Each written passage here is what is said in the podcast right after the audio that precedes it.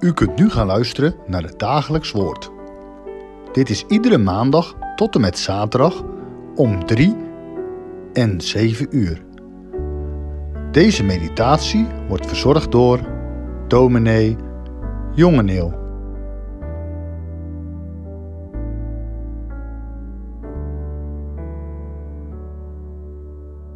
Goedendag luisteraars. Het is maandagochtend. Buiten trekt een straffe, soms wat vlagerige noordoostenwind rond de studeerkamer. En hier binnen zit ik met een Bijbelgedeelte voor me en met een oud boekje in mijn handen. En dat met het oog op de dagelijkse meditatie van dinsdag 12 mei, die u nu aan het beluisteren bent. Het Bijbelgedeelte is Exodus 15, vers 22 tot en met 27. Ik zal dat eerst voorlezen.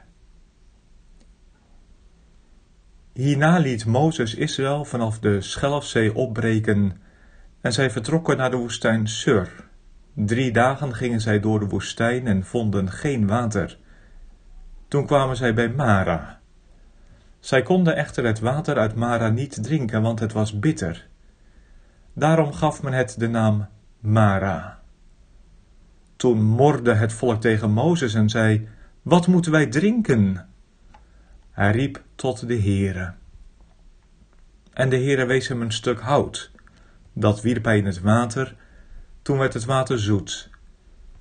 Daar heeft hij, de Heere, het volk een verordening en bepaling gegeven en daar heeft hij het op de proef gesteld. Hij zei: Als u aandachtig luistert naar de stem van de Heer uw God en doet wat juist is in zijn ogen, als u zijn geboden gehoorzaamt en al zijn verordeningen in acht neemt, dan zal ik geen enkele van de ziekten over u brengen die ik over Egypte gebracht heb, want ik ben de Heere, uw heelmeester. Toen kwamen zij bij Elim. Daar waren twaalf waterbronnen en zeventig palmbomen. Ze sloegen daar hun kamp op aan het water. Tot zover dit Bijbelgedeelte. Nu dat boekje dat ik in handen heb.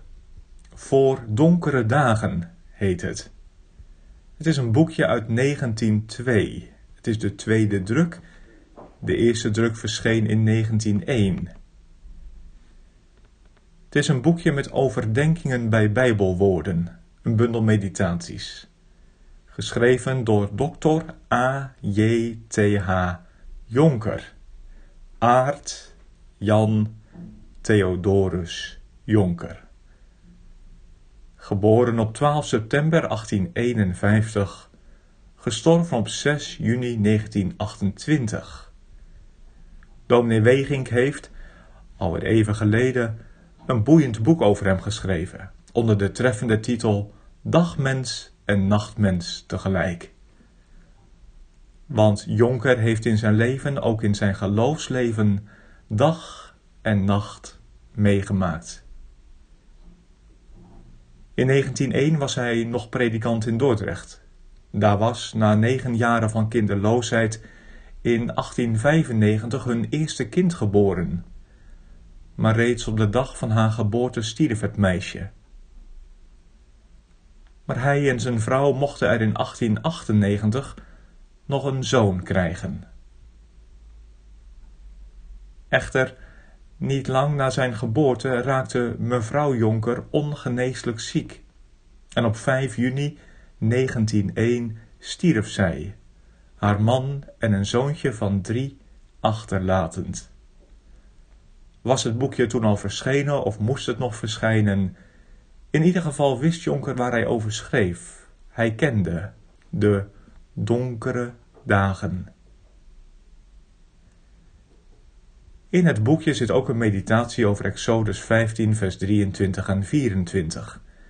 En mijn meditatie van deze dinsdag zal ik nu verder vullen met een paar gedeelten te lezen uit die meditatie.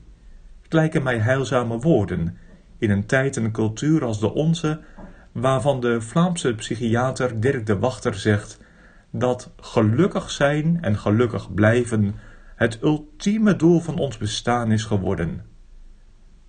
En geluk staat dan bij ons gelijk aan succes. En het is maakbaar en meetbaar. Dirk de Wachter noemt onze cultuur een leukigheidscultuur. Met als norm iedereen succesvol, wit, jong, slim, mooi, onvermoeibaar. Ook in kerk en gemeente kom ik daar veel trekken van tegen, zelfs met het oog op het geestelijk leven. En juist daarom lijken mij de woorden van Jonker, die oude woorden uit dat oude boekje, heilzaam en goed voor ons. Luistert u maar.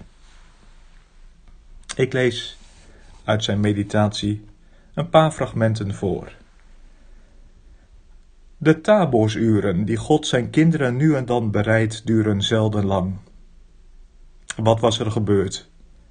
Na eeuwen van harde verdrukking en bange vreemdelingschap had God eindelijk, eindelijk zijn volk uit de vuuroven van Egypte verlost. Mozes had zijn staf over de bruisende golven uitgestrekt en er was door de diepte een weg gebaand waarop Israël veilig kon gaan. Farao met al zijn dappere ruiters en stijgerende paarden en blinkende strijdwagens was verzwolgen door de zee. Israël had de Heer een nieuw lied gezongen. Loof de Heer, want hij is hoog verheven.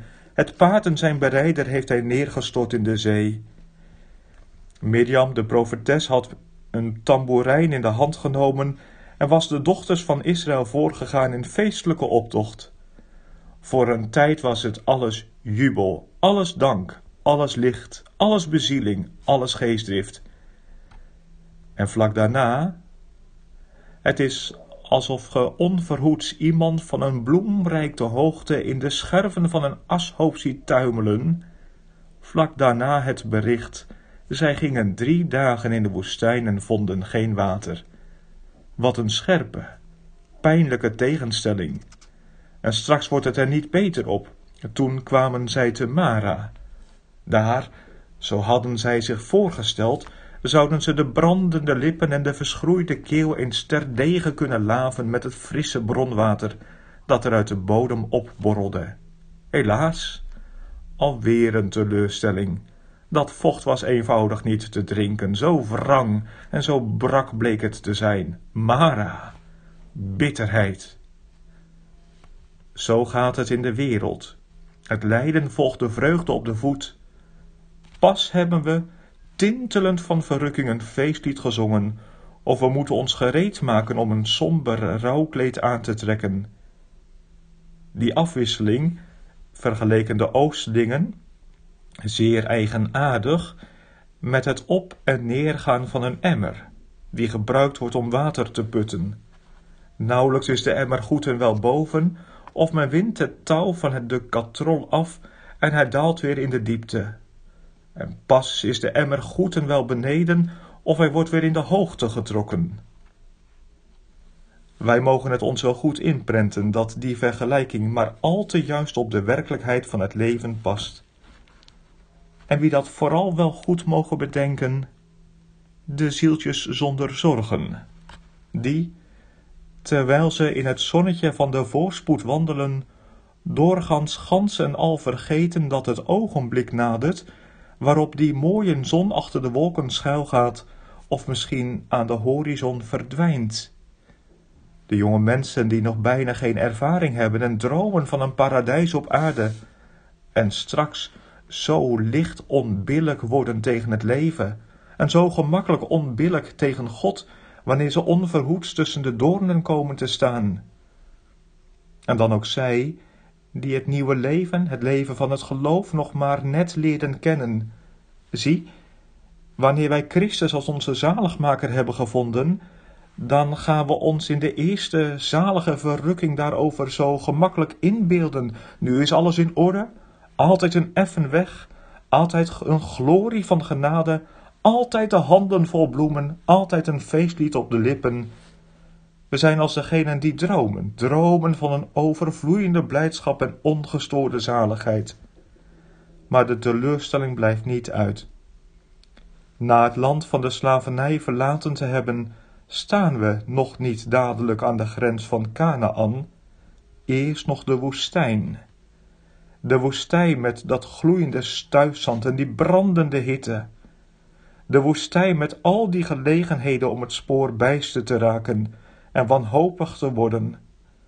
De woestijn waarin men soms nog wel langer dan drie dagen achter één moet voortzwoegen, zonder een teugje fris water over de lippen te krijgen. De woestijn, ja, met God, maar toch een woestijn. En is daarna, is daarna de Jordaan over, in het land van de eeuwige rust. Ik geloof niet dat er één volwassen mens is die niet bij ervaring van zo'n Mara weet mee te spreken, ook niet onder de gelovigen, allerminst onder de gelovigen. Die de Heer lief heeft, kastijdt hij.